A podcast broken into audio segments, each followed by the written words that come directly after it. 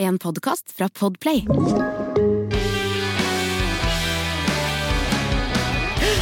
Hei og hopp til deg som har funnet fram til helsemegene Du kunne ha vært hvor som helst, du kunne ha lytta til hvem som helst, så har du valgt å være sammen med oss. Det setter vi pris på. Helsemegene tar tempen. En podkast til å le og gråte av. Helene, Helene, Helene. Du er en dame med mange rare talenter. Jeg må nesten spørre deg, Har du noen hobbyer utover folk og dyr og eventyr? Jeg er veldig glad i kunst. Jeg tegner og maler en del selv, men jeg er eh, mer glad i andres kunst. Men du har klart å skaffe deg kunst på en litt lur måte, du. Jeg går bare i gjenbruksbutikker, jeg. Og der har jeg gjort veldig mange gode kupp. Men det viktigste med kunst er jo ikke prislappen, det er at du skal virkelig nyte å ha det på veggen. Og kan du fortelle hva du har på veggene dine? Jeg har eh, alle mulige slags forskjellige malerier og tegninger. Den, et av de bildene jeg kanskje er mest glad i, er et enormt oljemaleri som jeg fant i en brukt butikk. -hmm. Og kjente igjen signaturen med en gang. Det er en lokal kunstner fra Fredrikstad som heter Tore Langbekk. Og da spurte jeg selvfølgelig hva skal dere ha for dette maleriet, og så for meg en voldsom sum. Og da sier den ansatte i bruktbutikken at det der er det ingen som har plass til, det kan du få for 200 kroner. Og hvor stort er det?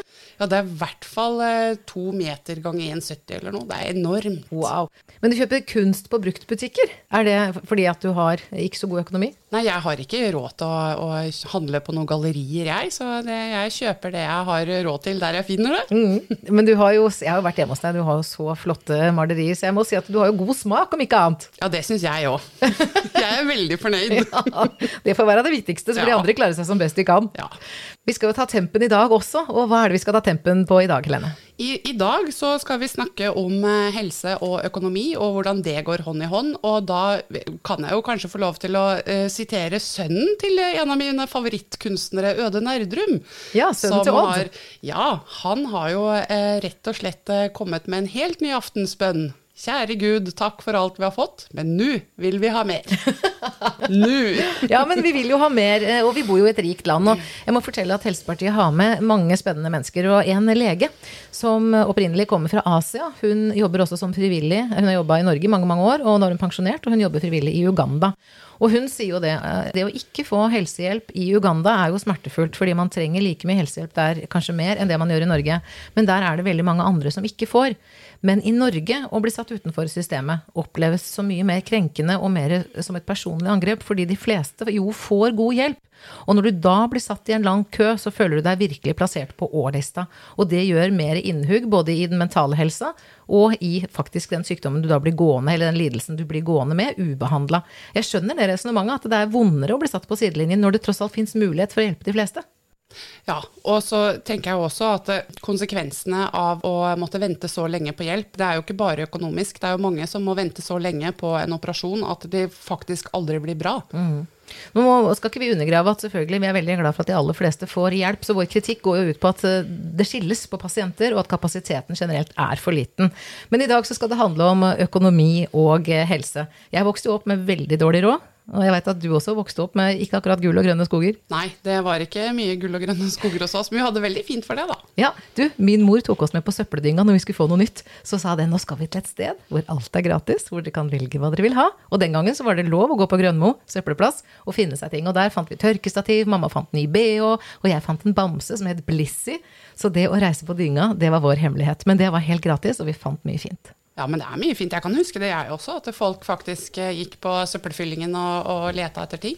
Det er nesten som å gå på gratis loppemarked. Ja, nesten. Men um, i voksenlivet så skal ikke jeg stikke under stol at som programleder i P4 så hadde jeg veldig god lønn.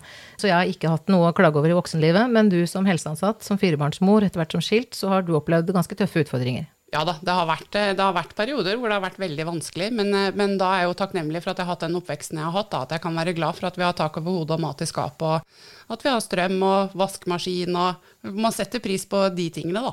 Er- Og særlig nå i koronatiden, det å ha et hjem med mer enn to rom. Det er en velsignelse. Jeg tror nok på en måte at har, vi har det nok mye bedre enn de aller fleste, selv om jeg ser at inntekten mm, hos helseansatte, i hvert fall de nederst på lønnsstigen, da, den er ganske lav. Og så er det det at man ikke får fulle stillinger, selv om man kanskje både har behov for og lyst til å jobbe fulle stillinger. Det har jo også vært et tema som eh, har vært eh, debattert i veldig mange år, og, og det har kommet opp igjen nå i forhold til korona, hvor det har vist seg hvor ugunstig det er da, at at helseansatte jobber to og tre steder samtidig, særlig når det da sprer seg smitte.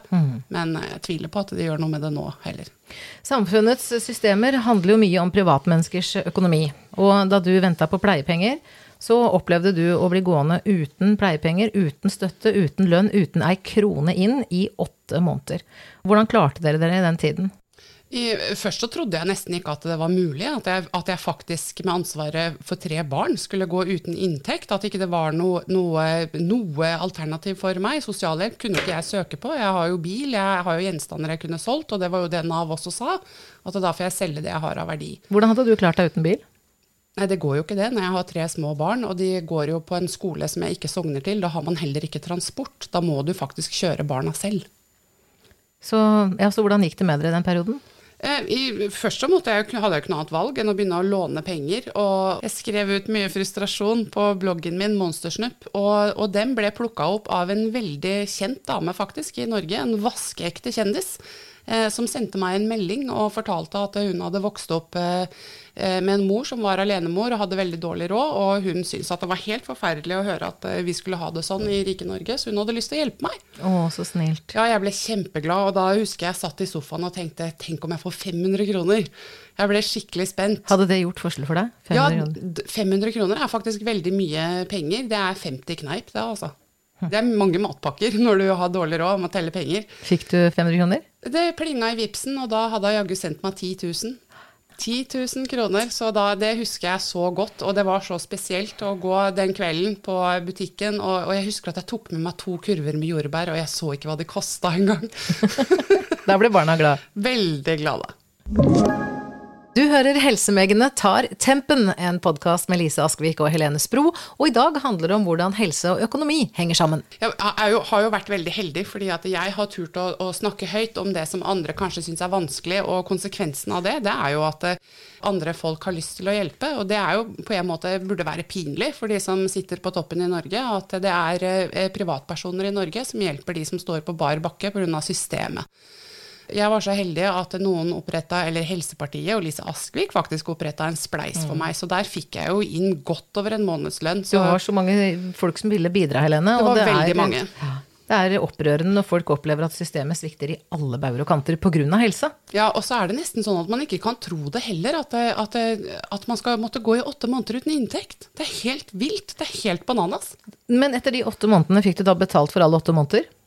Nei, det gjorde jeg jo ikke, fordi at alle vedtak har jo bare tre måneders tilbakevirkende kraft. Så det at mine søknader om pleiepenger ikke ble godkjent fordi jeg hele tiden manglet den attesten fra BUP da, som jeg måtte vente i 40 uker på, det gjorde jo at jeg mista noen måneder med inntekt der. Men det første du gjorde da du fikk penger, det var å gi penger til andre som trengte det? Ja, det, jeg tror på karma, og jeg kunne nesten ikke tro at jeg hadde hatt sånn flaks oppi all den uflaksen at vi faktisk klarte oss ganske greit, fordi at det var så mange sjenerøse mennesker som uh, hjalp oss. Så det første jeg gjorde, det var når jeg så at det var en annen mor i nøyaktig samme situasjon som meg, så vippsa jeg henne godt med penger, altså. og hvordan gikk det med henne? Eh, det gikk veldig bra. Nå går det veldig bra. Ja, Så dere har kontakt? Ja da, vi har kontakt fremdeles. Og hun får nå, endelig, de ytelsene hun faktisk har krav på. Ja. ja, for det å finne fram i systemet og vite hvilke ytelser man har krav på, det krever ganske mye overskudd. Du brukte lang tid på å sette deg inn dette her, du også? Ja, jeg hadde ikke peiling på hva jeg hadde krav på. Jeg, jeg, eh, jeg, visste ikke at man kunne få omsorgslønn. Jeg visste ikke at eh, man kunne søke om hjelpestønad. Var helt, dette var jo ikke noe som ble forklart eller formidla tydelig til meg. Men gikk du glipp av noen penger fordi du mangla informasjon? Ja, det, må, det, vet jeg jo at jeg må ha gjort. Mm. Og du er sikkert ikke den eneste? Nei, jeg kan ikke være den eneste. Nå har jo eh, mitt barn da, har jo hatt denne diagnosen i tolv år. Men jeg har jo fått eh, stønader de siste to årene. For du visste heller ikke? Nei, for jeg visste ikke at jeg hadde krav på det. Hva kan man gjøre med sånt nå, da? For det første så må de vite hva de har krav på, og der føler jeg jo at man må følge opp de forpliktelsene man har i de ulike instansene om å faktisk opplyse hva folk har krav på. Og ikke bare det, man må gjøre det enklere å søke. Så nok en gang så er det systemet og de som eier systemet og utformer systemet, som må sørge for at informasjonen kommer ut. Ja, det er det deres ansvar. Det er rart at du sier det, Lene, for dette har Helsepartiet politikk for. Selvfølgelig har dere det. har vi det? Ja, selvfølgelig har vi det. Men uh, hjelper det? Nei, bare hvis demokratiet gir oss kraft bak politikken vår. Ja, det er det som skal til, for vi trenger jo også å få endring i systemet også. Og jeg opplever det jo sånn, og det er vel kanskje korrekt også, at pasientene faktisk har en prislapp.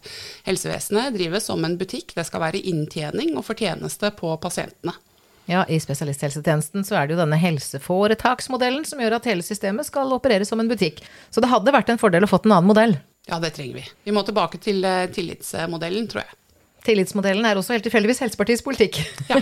Mer tillit og mindre mistillit. Men du, er det mange som ville misbrukt systemet hvis vi ikke hadde kontroll, kontroll, kontroll? Nei, jeg tror faktisk ikke det. De aller, de aller fleste menneskene er jo faktisk anstendige folk med reelle problemer og, og ordentlige behov. Så jeg syns ikke at vi skal ta utgangspunkt i at eh, alle driver med fanteri og snusk. Det har blitt regna på hvor mye samla sykdomsbyrde koster Norge hvert år. Når vi vet at vi bruker drøyt 180 milliarder til sykehusene våre, altså det som heter spesialisthelsetjenesten, så er det interessant at det samla tapet for Norge er 1900 milliarder kroner. Det er det vi taper hvert år på at folk er syke og at de dør. Og vi kunne jo ikke redda inn alle de pengene og alle de menneskene. Men hvis vi hadde jobba mer med forebygging, så hadde vi kunnet fått ned utgiftene, og vi kunne hatt lavere trygdeutbetalinger, og staten hadde fått mer skatt inn hvis folk fikk hjelp med helseutfordringene sine mye raskere. Og da handler det om kapasitet. Vi må ha nok plasser på sykehus, vi må ha nok sykepleiere, vi må ha nok folk i hjemmetjenesten. Det fins løsninger. Det er masse løsninger, det er bare å bruke litt uh, sunt bondevett. Jeg syns det er mye bondevett i vår politikk, faktisk. Ja, det er megge, meggevett. Meggepartiet, det er det vi er. helse og økonomi henger jo sammen på veldig mange ulike måter. Og gjennom dine 20 år i helsetjenestene har du opplevd folk som har måttet betale en høy pris for helsesvik? Og det er veldig mange eksempler på det, både som jeg har hørt om, opplevd, og, og som vi har sett i offentligheten også. Eh, og det var jo en sak for en stund siden fra Fredrikstad hvor det var et eh, ektepar hvor eh, han var den som var i arbeid mens hun var uføretrygdet. Han fikk en skade og måtte vente på operasjon, og det tok veldig lang tid å få den operasjonen. Og han fikk beskjed om at han kunne ikke jobbe mens han ventet, for å ikke påføre kroppen mer skade. Mm -hmm. Etter 52 uker så var han fremdeles ikke operert, men Nav mente at han da måtte være frisk. Ja. Og da prøver jo han selvfølgelig å si at men jeg har jo ikke fått behandling ennå, jeg venter ennå. Nei, men det kan du ikke gjøre, sier Nav, så nå må du begynne å jobbe. Du får ikke noe mer stønad nå. Og da ble de jo desperate og fant ut at skal vi ha nok å leve av da, så må vi jo faktisk be om sosialstønad. Men det kan du ikke få når du eier en bolig.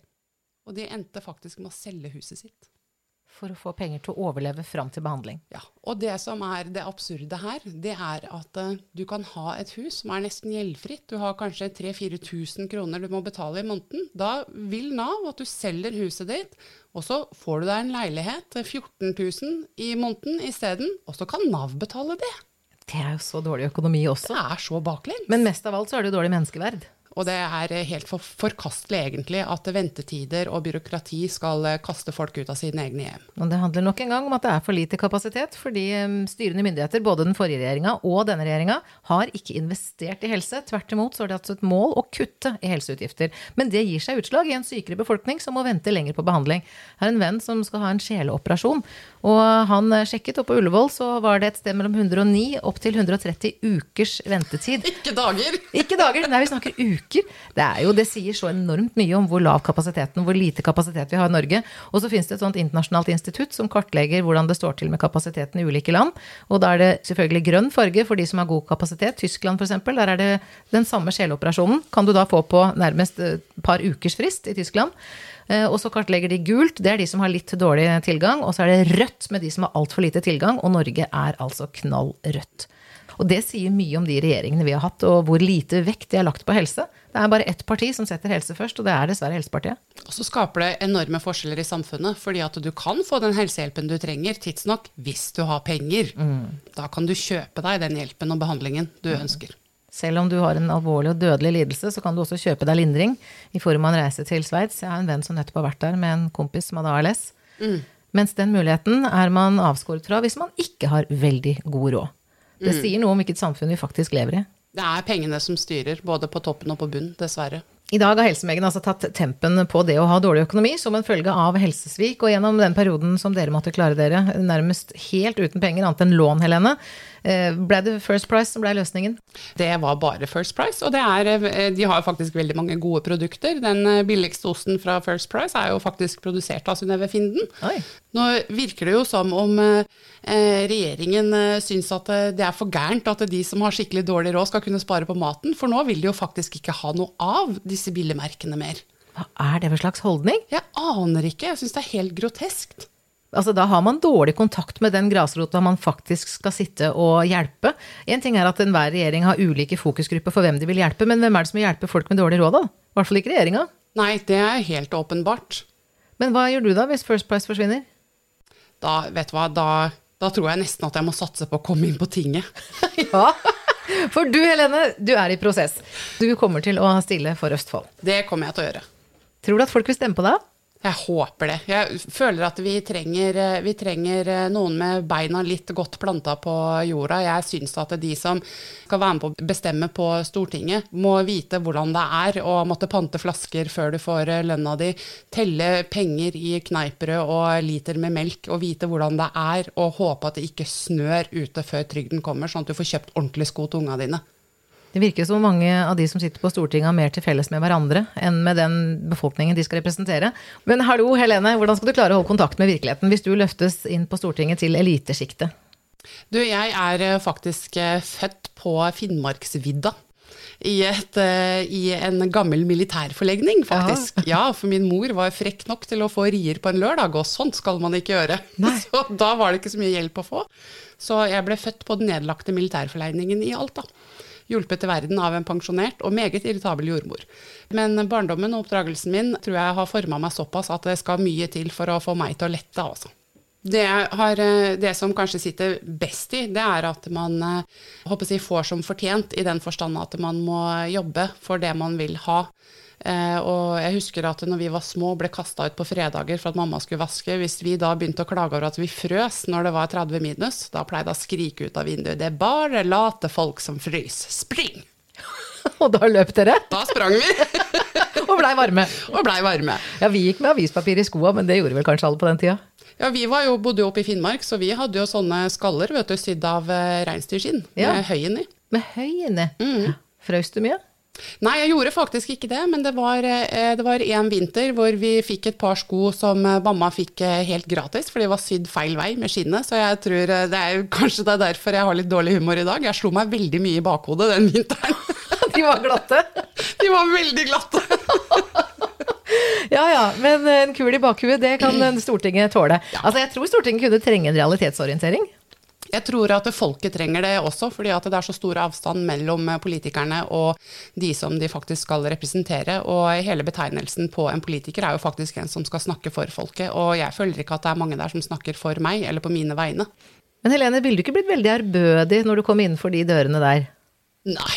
Jeg har ikke noe respekt for eh, hvor folk befinner seg, respekt for hva de har gjort, ja, og hva de står for. Det høres ut som en kandidat jeg ville ha stemt på. Takk. Nå har du én stemme. Nei, faen, jeg bor ikke Nei, men jeg bor ikke i Østfold. men um, når folk tenker at nei, men en stemme til Helsepartiet, det er ikke sikkert de kommer inn, er det da bortkasta?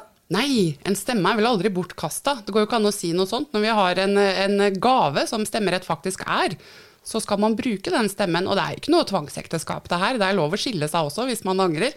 Men jeg syns det, det, er på tide at folk prøver noe nytt, jeg. Og så er det viktig at folk veit at hver eneste stemme man gir til et eller annet parti, så får de 100 kroner for den stemmen hvert år. Sånn at hvis Helsepartiet ikke kommer inn på Stortinget, så får vi i hvert fall en økonomi så vi kan jobbe godt fra utsiden av Stortinget. Sånn som vi har gjort i disse siste fire årene. Mm. Hver eneste stemme er viktig, for det vil gjøre det mye lettere å fortsette kampen for å komme inn neste gangen. Mm. Og så er det jo sånn at uh, hver eneste stemme til et lite parti er mer verdt enn hver eneste stemme til et stort parti. For de har jo uansett stor økonomi og representasjon på Stortinget. Mm. Én kandidat hadde gjort stor forskjell. Da kunne du lagt stor press på helsepolitikken til alle partier. Ja, da skulle vi gitt dem noe å tygge på.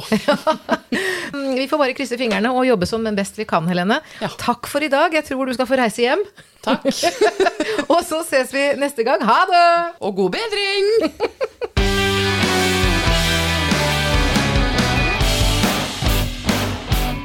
Du har hørt en podkast fra Podplay. En enklere måte å høre podkast på. Last ned appen Podplay, eller se podplay.no.